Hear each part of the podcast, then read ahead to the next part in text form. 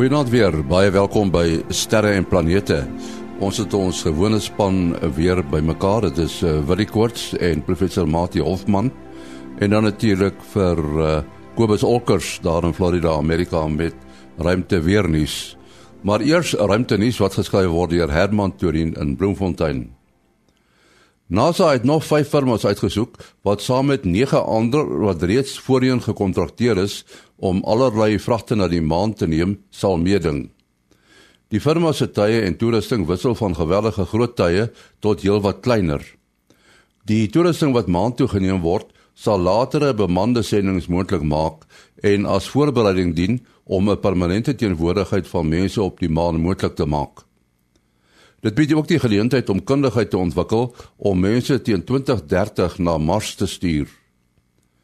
NASA beplan om teen 2024 die eerste vrou en 'n aantal manlike ruimtevaders na die maan te stuur. Deur van ander firmas gebruik te maak, wil NASA die reise na die maan in wese privatiseer. Die private tye sal benewens vragte van NASA ook vragte van ander private maatskappye na die maan kan neem en so kostes verminder veral vir NASA en die belastingbetalers. Die vyf firmas wat nou om NASA kontrakte sal meeding is Blue Origin, Cirrus Robotics, Sierra Nevada Corporation, SpaceX en Tivac Nano Satellite Systems. Terwyl modelle toon dat daar met die oerknal eweveel materie en antimaterie geskep moes gewees het, is antimaterie egter baie skaars. Dit kan egter deur die mens vervaardig word, anders as die geval met donker materie waarvan die bestaan nog nie eens bewys kon word nie.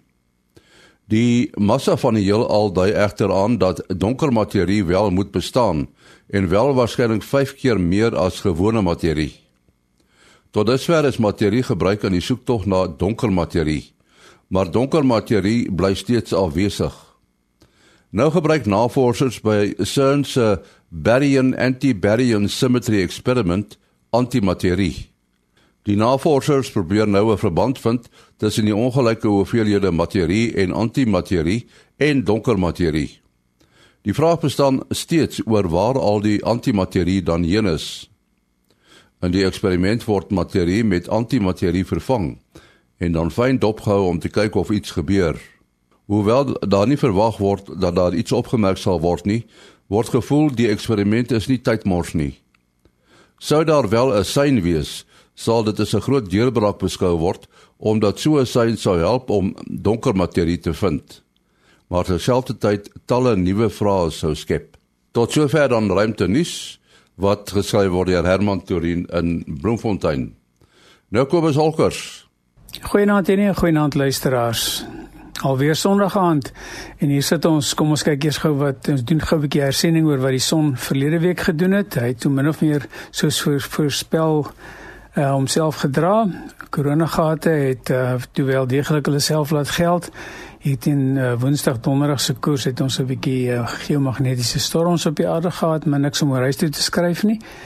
Ons langafstand ouens het wel deeglik daarvan geweet en hulle moet nou maar die volgende week maar ook nog maar nog steeds reg reg wees want ons het nog 'n hele paar koronagate wat op die son sit kleinerig is. Uh almal van hulle is gelukkig noordgerig relatief tot die aarde se magneetveld en dis kan ons nou nie te veel van 'n probleem kry dat ons uh die aarde se magneetveld gaan swakker maak nie.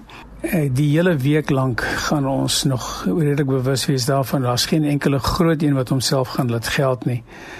En dan om terug te kom na ons magnetiese aktiwiteit wat ons verlede week begin uh sien het daardie uh, aktiewe groep het heeltemal uitgerafel.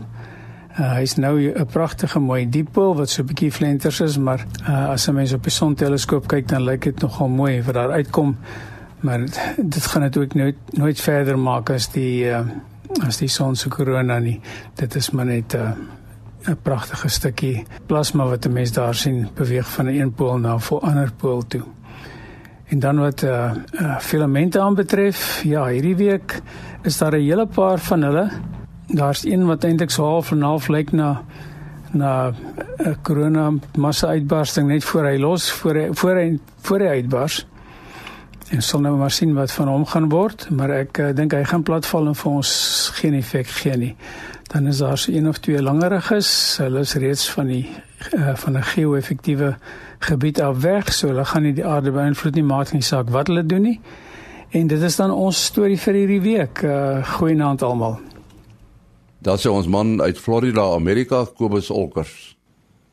Ons het ons uh, span weer hier. Dit is 'n uh, professor Mati Hofman van die Digitale Planetarium, die Bodensterrewag en die Universiteit van die Vrystaat.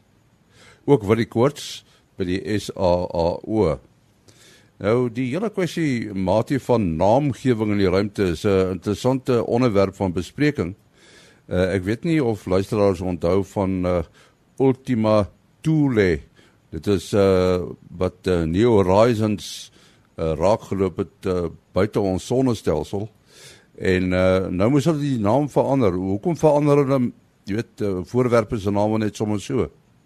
Uh, ja, as 'n voorwerp nou ontdek word en van naby af afgeneem word, uh, dan kan die mense nie die versoeking weerstaan om 'n naam daaraan te gee nie. Uh en met baie keer met die hoop dat dit dalk uiteindelik die permanente naam kan uh, kan word. Uh nou in die sterrekunde vanaf 1919 wat die International Astronomical Union die IAU gestig is, uh het hulle nou 'n formele proses wat die internasionale gemeenskap betref. So daar kan nog eie soorte gename in sekere streke of wêrelddele wees, maar wat die vir algemene publikasies uh onder totale verwarring te voorkom, is daar prosesse, uh, beleide en uh uh komitees, 'n hele arsenaal van uh metodes om name te uh finaliseer. Uh, want dan kom nou weer dit verwys nou beide na historiese name, maar dit is nou seker uh al grootliks afgehandel, maar raak om aan mekaar nuwe ontdekkings as dit nou oor die historiese name gaan, kan mens nou maar dink aan die konstellasies wat uit die konstellasiename wat uit die ou antieke tye uitkom, maar dan moet mens nou weer daar weet ander kulture as daar in die Midde-Ooste en die Babiloniërs en die Grieke, hulle het ander konstellasies gesien en hulle het ander name gehad. By elk geval in 1922 het hulle byvoorbeeld nou daardie saak aangespreek en amptelike name aan die konstellasies gegee. Ehm um, wat die planete betref, daai name kon nou nie verander word nie wat dit kom uit die geskiedenis, maar hulle het dit tog uiteindelik formeel in 'n resolusie om te sê dit is nou word nou amptelik so erken uh, deur die uh, IAU. Dit was 1976 en dit was toe nou uh nege planete wat nou Pluto ingesluit het. Uh natuurlik die ander 8 uh, wat ons nou almal ken. Uh en dan presies 30 jaar later, toe in uh, 2006 het hulle nou uh, weer gesê nee, dis nou net die 8 planete en dan het hulle nou 'n paar eksoplanete uh het hulle nou ook uh ook erken. Nou wat die planetêre voorwerpe betref, oor in ons sonnestelsel is daar 'n task group uh wat, wat eerder die working group for the planetary system wat dan nou daar naamgewing kyk en dit word uiteindelik in die uh transactions of the AAU uh gepubliseer. Uh as ons nou kyk na die geval van uh uh Ultima Thule, hy het nou hierdie dubbelnaam gekry omdat hy uit twee lobbe bestaan. Uh ongeveer wel die een sien ek dat hy so 36 km lank aan en die ander een 22 km. So by 'n met 'n nek verbind wat dit sommer ge, uh, gesuggereer het dat dit twee voorwerpe is wat liggies te mekaar gebots het en uh geheg het. En by nader ondersoek lyk dit of elkeen van hulle nou weer uit ander uh, kleiner liggame saamgesmelt het. So dit is eintlik 'n baie uh, primitiewe liggaam wat jy nou gaan sien dit word eintlik gevorm en uh, hulle uh, beskou dit as die mees primitiewe hemelliggaam wat dan nog deur 'n ruimtetuig besoek uh, besoek was en dit is so onlangs as 1 Januarie van jaar. Nou snel ons na die einde van die jaar jaar uiteindelik toe nou deur die formele proses gaan, het hy die amptelike naam gekry. Uh, ek het nou gaan luister na die uitspraak uh Arrokoth. Uh ek hoop dit is min of meer reg uitgespreek. Uh, mens kan nou teesta ook sommer die uitspraak uh, uh gaan Google en ehm uh, uh, wat ek nou sien is dat uh, wel dit is na een of ander uh uh een of ander taal van die Powhatan Pambunki tribe en 'n dokter Fubi Ferris het nou 'n mooi videoetjie hier opgesit wat vir ons sê dis nou 'n kwessie van respek soos hy dit stel om die mense wat die naam gegee het ehm um, dit het deur 'n proses gegaan uh, uh om dit nou probeer op daardie manier uit te spreek nie ons eie weergawe daarvan vanuit ons eie uh, perspektief nie. Uh in elk geval daardie error cost soos ek hom sê is nie te ver van die van die ware uit nie. Ja, so dis nou net so 'n paar uh, riglyne wel dan kom daar natuurlik nou nog kos dink nou aan toe Pluto uh, toe toe die New Horizons daar by Pluto uit uh, verbygevlieg het. Ja, nou sit al seker 3 jaar terug nê. Toe het hulle vir die eerste keer kenmerke, landmerke gesien wat soos uh, berge lyk of uh ysvlaktes en uh, uh en dan moet daardie landmerke moet moet name kry. Nou hulle uh, probeer partykeer vir 'n bepaalde planeet of hemelliggaam by 'n bepaalde tema bly. So sê nou maar die maane van Saturnus moet 'n sekere ander uit 'n sekere tema uitkom. Uh of as mens nou dink aan die die kraters op die maan. Uh wel as nou baie kraters wat nou uit beroemde beroemde wetenskaplikes vernoem is. Mens kan maar net gaan kyk Copernicus en uh uh Arge uh, Plato uh, uh en so aan. Maar dan van die kleiner kraters is nou weer bietjie na meer moderne wetenskaplikes of miskien bietjie uh, minder bekende wetenskaplikes vernoem wat wel baie betrokke was by sê nou maar na, maan na, navorsing. Ek kan miskien net byvoeg dat hierdie um hierdie herbenoeming wat jy nou van gepraat het uh, die dit klink my die toele gedeelte die tweede deel van die naam die die kontroversie het gekom want dit word met na, nasie nazi en en baie verregse groepe uh verbind en dit dit lyk vir my was toe nou die beswaar geweest en dan die die Arakot so weet ek presies of ek ek, ek kom ook reg uh, uitspreek nie maar soos jy sê dit is dan hierdie um uh inheemse Amerikaanse Indiane uh uh 'n uh, uh, groep en uh, dit beteken net sky net net soos in die naghemel. Um en interessant genoeg dat die die uh, uh um tribe is dan in die omgewing van Maryland uh was hulle gekonsentreer geweest en ek neem aan vandag seker nog steeds en ehm um, dit is uh, natuurlik die die uh, plek waarvan af die Hubble ruimteteleskoop en die New Horizons beheer word. So dit is nogal gepas in die geval. Ja, ek wou vra, dit is my interessant dat uh hulle praat nou van New Horizons, is die tuig wat die verste opgestuur is uh, buite in die ruimte in. Maar nou wat van Voyager, die is toch veel verder. Ja, dit klink vir my die ehm um, die voorwerp, ek het net iets gesien net die opskrif het gesê die the the most distant object ever explored. Well, okay, so dit beteken dit wil sê dit is dan die verste wat in in uh, hemelliggaam dan nou in die gevalle uh, ja, hierdie hierdie voorwerp wat al uh, deur 'n ruimtetuig bekyk is. Ja, so jy's reg, dit is nie ja. die verste ruimtetuig nie, ja. Ja, ek ek wou uh kyk 'n uh, uh, Voyager het dan net verby uh van die planete gevlieg. Hulle het nie eintlik opnames gemaak en bekyk nie. Ja, hulle het die ander kant Neptunus nog uh voorwerpe teëgekom nie. So daar het hulle nou meer gefokus op die magneetveld van die son en om te kyk hoe die buitewyke van die sonnestelsel lyk terwyl in die New Horizons geval het hulle spesiaal toe nou moet eers die Kepler bel daar buite bekyk en 'n voorwerp gekies en toe die baan aangepas dat hulle daarby kan verbyvlieg. So hulle het nou ander kant Neptunus, 'n Transneptunus, 'n uh, Transneptunian uh voorwerp gaan gaan uh bekyk en Jo, ek het nou nie dadelik die die afstand in my kop nie, maar moet naby 4 biljoen of verder kilometer, 4000 biljoen en verder kilometer wees. Ek weet nie of jy dalk onthou nie wil nie. Ja, nee, ek het ook nou nie die getal in my kop nie. Ja, en ek dink uh, uh, dit is ook 'n geval van waarmee is die twee ruimtetuie toegerus. Nou, toe in 1977 toe die toe die um, Voyagers gelanseer is, was kameras en goeters nog nie digitale kameras het nog nie bestaan nie.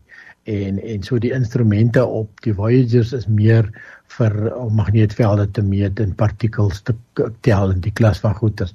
Ehm um, so hulle het glad nie wonderlike kam wel die kameras in daai tyd was nie te sleg nie, maar uit die aard van die saak die die die, die data tempo wat teen die data inkom op hierdie afstand wat hulle nou sit is bitter bitter laag.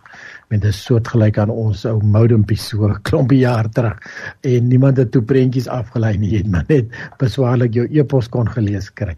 Um waar uh, uh, New Horizons is die aard van die sake uh, uh, uh baie meer moderne tuig wat um, wat ander instrumente en natuurlik baie goeie kameras aan boord het. Mati, uh, so ietsie anders ons het ons het 'n sterre aangehou afgelope naweek uh, hier in die Dino King uh, reservaat, die die uh, natuurreservaat, eintlik 'n baie groot gebied wat uh, bestaan word deur hierdie natuurreservaat. Maar uh, toe kyk ek daar na die noorde en ek sien toe Andromeda. Uh, is dit iets wat 'n mens maklik kan sien met met uh, nie met die blote oog nie, maar met die verkyker? Mens kan met die blote oog ook goed sien, maar dan moet jy nie uit die stad uit of uit 'n dorp uit nie, dan moet jy nou regtig op 'n donker plek uh wees en die regte tyd van die jaar want uh dis maar 'n kort deel van die jaar omdat hy so ver noord is wat hy hoog genoeg bo die uh, bo die horison is. Ek het 'n ander dag my vasgeloop. Ons wou hom uh vir mense hier van die planetarium wys, maar in die liggloed. Ek weet presies waar om te soek of na genoeg, maar ek kan hom nie eers met die uh by die teleskoop opgespoor uh, opgespoor kry nie. Dit gaan natuurlik nie. Hy's nie klein nie. Hy's groot genoeg om met die blote oog te gaan sien. Dit gaan net oor 'n donker ster agtergrond. Ehm um, die klomp 'n gloed wat mens maar uit die uit die stede uit uit die, uh, kry nie en ek dink as jy te veel lig het dan gaan die verkyker jou nou ook nie help nie. Ehm uh, mens moet maar aan die kant uh, aan die noordelike kant van 'n dorp kom sodat jy nie oor die dorp kyk as jy nou daar vir hom gaan soek nie. En uh die die die verwysingspunt nou is nou altyd daai groot vierkant van Pegasus, die vier helder sterre wat 'n groterige vierkant maak en as mens nou noordwaarts kyk, links bo kan jy nou verbeel jy sien die nek en die kop en dan regs onder dan sien jy nou uh die agterpoot wat so ombuig en dan is dit jou verwysing net so links onder. Ek weet nou die mense gaan nou nie van hierdie beskrywings af vir Andromeda kry nie, maar uh as jy dan nou met 'n verkyker gaan kyk op die regte plek dan kry jy hom maklik en as jy hom eers met die verkyker gekry het, uh en jy weet waar om te kyk, dan kan jy sommer die uh, blote oog sien en dit is opwindend. Jy dat jy nou kyk na die verste voorwerp wat die meeste mense ooit in lewe sal kan sien. Ek verstaan daar is wel een of twee ander sterrestelsels wat party mense sê hulle kan met die blote oog sien. Ek het nog nooit gesien nie. Uh seker nie ons mense hier die suidelike halfrond uit nie. Die vraag is wat sien die mense eintlik? Is dit 'n uh, uh, iets soos 'n ster of uh, is dit 'n wolkie? Nee, dit is 'n wolkie soos die uh Magellaanse wolke, maar nou net net kleiner en dowwer. Dit is so 'n bietjie bietjie afgeplat. En uh 'n mens moet nou maar uh, weet as jy nou 'n foto gesien het van die Andromeda, dan dan kan jy nou sien jy sien uh sien hierdie diskus vorm so van skuins bo af. En deur die regte soort teleskoop kan jy nou ietsie daarvan sien. Jy sien so 'n donker band uh, wat nou in die vlak van die diskus lê wat 'n bietjie van die sterre uh in die agtergrond se lig absorbeer. Uh, ja, en hulle daarna verwys in die vroeë jare of wel voor 1923 as die Andromeda Nebula omdat hulle nie geweet het dis 'n uh, galaksie of 'n sterrestelsel nie. Uh toe hulle nog gedink het die Melkweg is die is die heelal. So in daai in die, die geskiedenis van die sterrekunde het uh, dit 'n baie belangrike rol gespeel want Edwin Hubble het mos nou met sy waarnemings en metings kon aantoon uh dat dit is ver buite ons eie melkweg moet wees en dit het nou 'n uh, hele paradigma verskywing uh vir die hele mensdom veroorsaak toe ons agterkom uh, ons lewe maar op 'n spikkeltjie in die in die heelal. Maar dit nou gesê van 'n uh, sekere tyd van die jaar. Nou dit is toevallig nou daardie tyd. Um ek het net mooi gister het ek die uh um November sterkaart afgelaai by www.skymaps.com. So kan ons sommer die luisteraars 'n bietjie huiswerk gee. Al hopelik is hulle nou lus om te gaan kyk of hulle nie die Andromeda ook kan sien nie. En uh, uh as jy www.skymaps.com en dan uh, so halfpad by die bladsy uh um, sê daar so download now dan bring jy na 'n ander bladsy toe en dan gaan jy ook tot heel onder vir 'n suidelike sterrekaart en dan sien jy dit is nou so 9 uur saans sit die Andromeda nou op sy hoogste. En uh, ons het hom omtrent so 'n maand terug af van Gansbaai af gesien. Um maar dan moes ons tot middernag gewag het. So hy het nou al mooi opgekom en um en soos Martin nou verduidelik het, uh kyk maar vir die vir die groot vierkant van Pegasus en dan gaan jy so 'n bietjie regs en onder en dan behoort jy hom maklik te kan sien. Ja, ehm um, jy terwyl jy praat, John Mulder het uh vir ons ook 'n vraag gestuur oor uh, hoeveel van die maan sien 'n mens as sê maar daar's nou 'n volmaan. Ehm um, dan sien 'n mens tog die helfte van die maan, die ander helfte sien jy nie. Ja, dis korrek en en toe hy nou hier 'n interessante uh ding gesê. Hy het gesê as die maan nou die hele tyd sy een gesig vir ons wys en uh, as jy nou van die noordpool af gaan kyk en jy kyk van die suidpool af, dan gaan jy mos 'n bietjie meer van die maan sien en hy skat so 55%. Nou ehm um, hy's eintlik nog 'n bietjie uit om, om twee redes uh, is ehm um, is, is, is ons trek by 59%, so baie na 60% van die maan kan ons sien, maar dit het nie te doen met die feit dat ons op, op verskillende plekke af kan sien op die aarde wat vir ons meer laat sien nie. So van dieselfde plek van die aarde af die maan maak so effense wobble kan jy maar amper sê ons ons praat van vibration en en dit is maar uh, alhoewel die maan die hele tyd sy selfe gesig vir ons wys um tip hy partymal 'n bietjie op partymal bietjie af en partymal die kant sodat ons amper amper 60% van sy oppervlak uh, sien. So as 'n mens daaraan tree en dink uh, uh, as jy omtrent 'n uh, uh, strandbal vat um wat so rolweg 'n half meter in deursnee is dan is die maan omtrent so groot soos 'n spanspek. Um en nou kan jy jou strandbal en jou en jou spanspek dan moet jy hulle so 15 meter uitmekaar uit gaan sit en dan kyk jy, jy as jy oor die bokant van jou strandbal en on die onderkant sien of jy meer van die spanspek kan sien. So dit is dan maar eintlik maar as gevolg van die skaal, die maan sit eintlik relatief ver ver van ons af. En interessant op daai skaal is die son so 'n 10 verdieping gebou, so ehm um, net so oor die net so oor die 5 en 'n half meter. Uh, uh as die son dan in in deursnee en die son is dan iets soos 23 km weg van van die lot af. So ja, dit is dit dit, dit wys jou daar's daar maar bitter baie ruimte daar buite. Ja, Mati, ons ons ken 'n uh, is uh, sonnestelsel as 'n uh, ster ons son is mos nou 'n ster met sy met sy planete en daar's nou heelwat eksoplanete gekry. Maar uh, daar's nou 'n studie gedoen wat aandui dat uh, baie van hierdie eksoplanete is in sogenaamde multister multisonstelsels. Is dit nie 'n bietjie eienaardig nie? Uh en nee ja, ons moet onthou dat 'n baie groot uh persentasie van die sterre wat vir ons soos een ster lyk, is eintlik maar binêre uh stelsels. En as ons nou sê wel tipies gaan sterre uh, almal 'n baie goeie kans hê om planete te hê. Dit weet ons nou reeds uit uh die statistiek van eksoplaneet uh ontdekkings.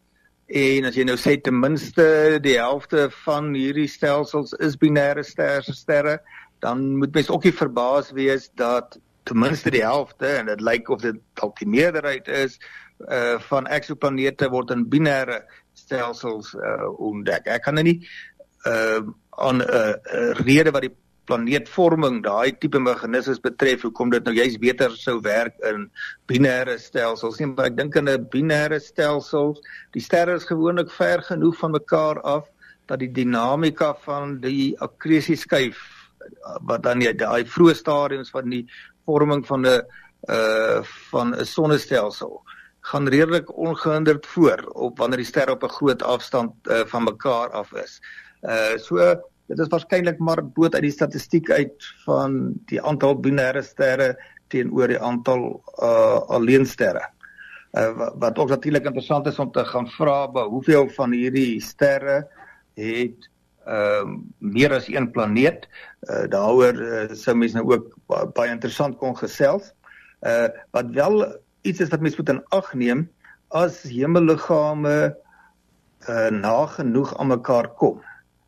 Dan is drie liggaam of 'n meer liggaam stelsel is minder stabiel as wat dan net twee liggame sou wees. En dit is veral waar as hulle nader baie nader mekaar is as wat die planete in die sonnestelsel byvoorbeeld is. So die drie liggaam probleem as jy hom nou gaan ontleed wys dat baie een van die drie liggame waarskynlik die kleinste ene word gewoonlik op 'n stadium uitgeskiet. Nou uh, in terme van die geskiedenis van van die heelal is daai dit kan dalk 'n paar miljoen jaar wees, uh, maar dit is nog relatief uh, kort in vergelyking met die leeftyd van sterre.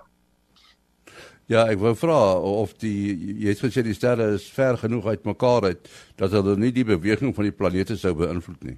Ehm um, ja, ek kan my nou seker vaspraat, uh, maar ek weet party van hierdie sterre is op afstande groter as beslis heelwat groter as die as die sonnestelsel. Daar is binêre sisteme wat die afstand tussen die sterre van die orde van ons sonnestelsel is en dan gaan hulle verseker net soos wat Jupiter invloed het op die ander planete se bane, dan gaan albei sterre, dan gaan die bane baie van die planete baie ingewikkelder raak. En uh my aanvoeling sê, maar ek kan dit nou nie matematies dadelik vir myself uh, oortuig nie, is dat dit onstabieler gaan wees as 'n uh, sonnestelsel of 'n uh, of 'n stelsel van planete om 'n enkel ster as da, die sterre op daai tipe van afstande van mekaar afkom. So dis dalk iets wat ons 'n volgende keer weer oor moet gaan gesels dat ons bietjie gaan huiswerk doen daaroor. Ehm uh, daar's heel moontlik as ons nou daar op ons sterre planete Facebook groep uh kyk daar's 'n hele klompie kundige ouens so ek gaan nie te verbaas wees as daar van hulle is wat uh gaan kommentaar lewer op waaroor ons nou hier praat nie en dan kan ons dalk daaroor terugvoer gee. Ja, daar op op Sutherland is daar nogal een teleskoop, die solarisstelsel wat hierdie pole daar gesit is wat presies dit hulle kyk na eksoplanete rondom dubbelsterre waar die ander stelsels net om om om enkelsterre is. So daar daar's definitief 'n nismark daarvoor. Ja, ons moet afsluit, Mati. 'n Selfoonnommer 0836257154. 0836257154. En dan wil hy is 0724579208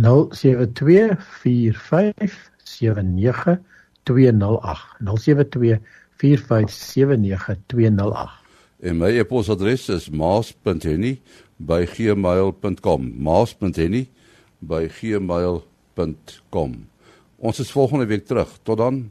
Alles van die beste